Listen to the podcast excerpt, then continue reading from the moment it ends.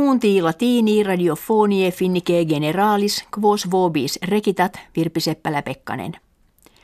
David Cameron, primus minister Britanniae et moderatores unionis europee, concordiam de conditionibus invenerunt quibus Britannia ex unione europea non ex iret. His conditionibus palam factis, Daily Mail, acta diurna Britannica, demos copium faciendum curavit, unde apparuit duode quinquagintaken tesimas Britannorum velle, ut Britannia in unione europea maneret. Triginta tresken tesimas Britanniae exitum maalle, qui Brexit vulgodikitur. Cameron nuntiavit skitum populi de societate cum unione europea continuanda dievi kesimo tertio mensis junii futurum esse. Britannis svasit ut societati continuande suffraga rentur quia concordia cum unione europea facta Britanniae statum specialem prebuisset. Boris Johnson burgimagister Londinii magne auctoritatis nuntiavit se discessui Britanniae favere. Se velle ut patria majorem de suis rebus potestatem in unione europea haberet. Primo ministro Cameron non contigisse ut satis bonum de status speciali Britanniae pactum consultando efficeret. Britannia est insula extra Europam in quam mille annis expugnatores non venerunt. Ideo discessionis fautores credunt, fretum gallicum ad hoc patriam suam a motibus continentis defendere.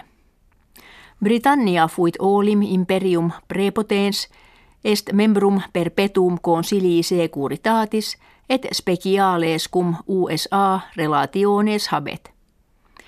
Multis displicet quod Francia et Germania in unione prevalent et quod immigratores in Britanniam influunt.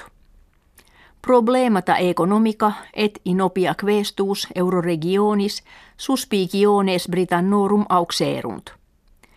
Dum economia in Britannia crescit, homines nolunt suas fortunas, cum Grecia, Frankia, Italia, aliisque terris eius generis conjungere. John Kerry, minister a rebus exteris americanus et Sergei Lavrov a rebus exteris minister Russie concordiam de ignistitio in Syria faciendo in venerunt. Presidentes Barack Obama et Vladimir Putin de eare die lune telefonike collocutissunt. Propositum est ut ignistitium die sabbati incipiat. Spectabit ad omnes greges belligerantium exceptis illis ordinibus quos consilium securitatis nationum unitarum terroristicos judicavit. Ignistitium ab omnibus partibus que bellum gerunt confirmandum erit quod futurum est difficillimum. Russia aciem al nusra que pars est contra presidentem al Assad rebellantium bombardare continuabit. Kirkiter triamilia Irakvianorum qui in finniam asylum petentes venerant in patriam reverterunt. Plurimi sua sponte suisque sumptibus finniam reliquerunt. Hodie ex duobus profugis advenientibus unus abit. Illi qui in patriam reverti volunt aeroplanis epibaticis ex finnia in Irakviam septimanatim portantur.